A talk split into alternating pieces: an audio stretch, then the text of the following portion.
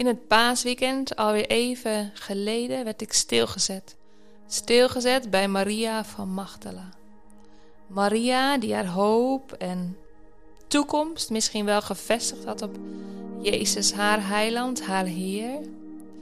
En uh, in dat weekend van zijn kruisdood en zijn overlijden leek alles in te storten. Alles waarop ze vertrouwdheid leek verdwenen. En toch wilde ze op die vroege zondagmorgen hem de eer en het respect bewijzen die hij verdiende. En ik moest denken aan hoe vaak wij uh, ja, ons vertrouwen ergens op gevestigd hebben. Hebben gehoopt uh, dat de Heer iets nieuws zou brengen. Dat de Heer iets nieuws zou doen in ons leven. Dat er een nieuwe richting leek op te gaan. Dat we daarin het uiteindelijk toch verliezen. En ehm, dat we daaruit weer moeten opkrabbelen. Dat we daaruit weer opnieuw moeten zoeken naar een nieuwe toekomst. Misschien ehm, ja, hadden we iets opgebouwd en uh, was het ineens verdwenen. En van daaruit uh, wil ik je graag meenemen. Ik wist het wel, mijn heiland, mijn Heer. Ooit zou ik verliezen, vol overgave vertrouwd verkeerd gegokt. Huilend loop ik, omgeven door het donker, zijn graf tegemoet. Bevrijd van zoveel, maar gevangen in angst. Het klonk zo veelbelovend.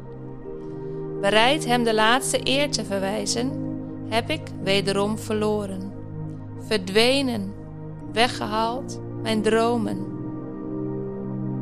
Mijn leven een puinhoop. Zijn daden brachten leven. De stilte, zijn zwijgen, maakt alles ongedaan. Ik klamp me vast aan alles wat was, wat ik nog kan doen. De tuinman, zou hij kunnen helpen? Enig redding brengen misschien? Hij vraagt waarom ik huil. Ik antwoord, leg alles neer. Hij noemt mijn naam en ik herken, erken. Gevonden, Jezus, mijn opgestane Heer, God van daden. Hij maakt alles nieuw. En opnieuw ook mij.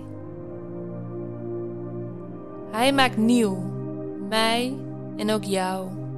Ongeacht de situatie brengt Hij vreugde, vrede en rechtvaardigheid. Zijn koninkrijk hier op aarde.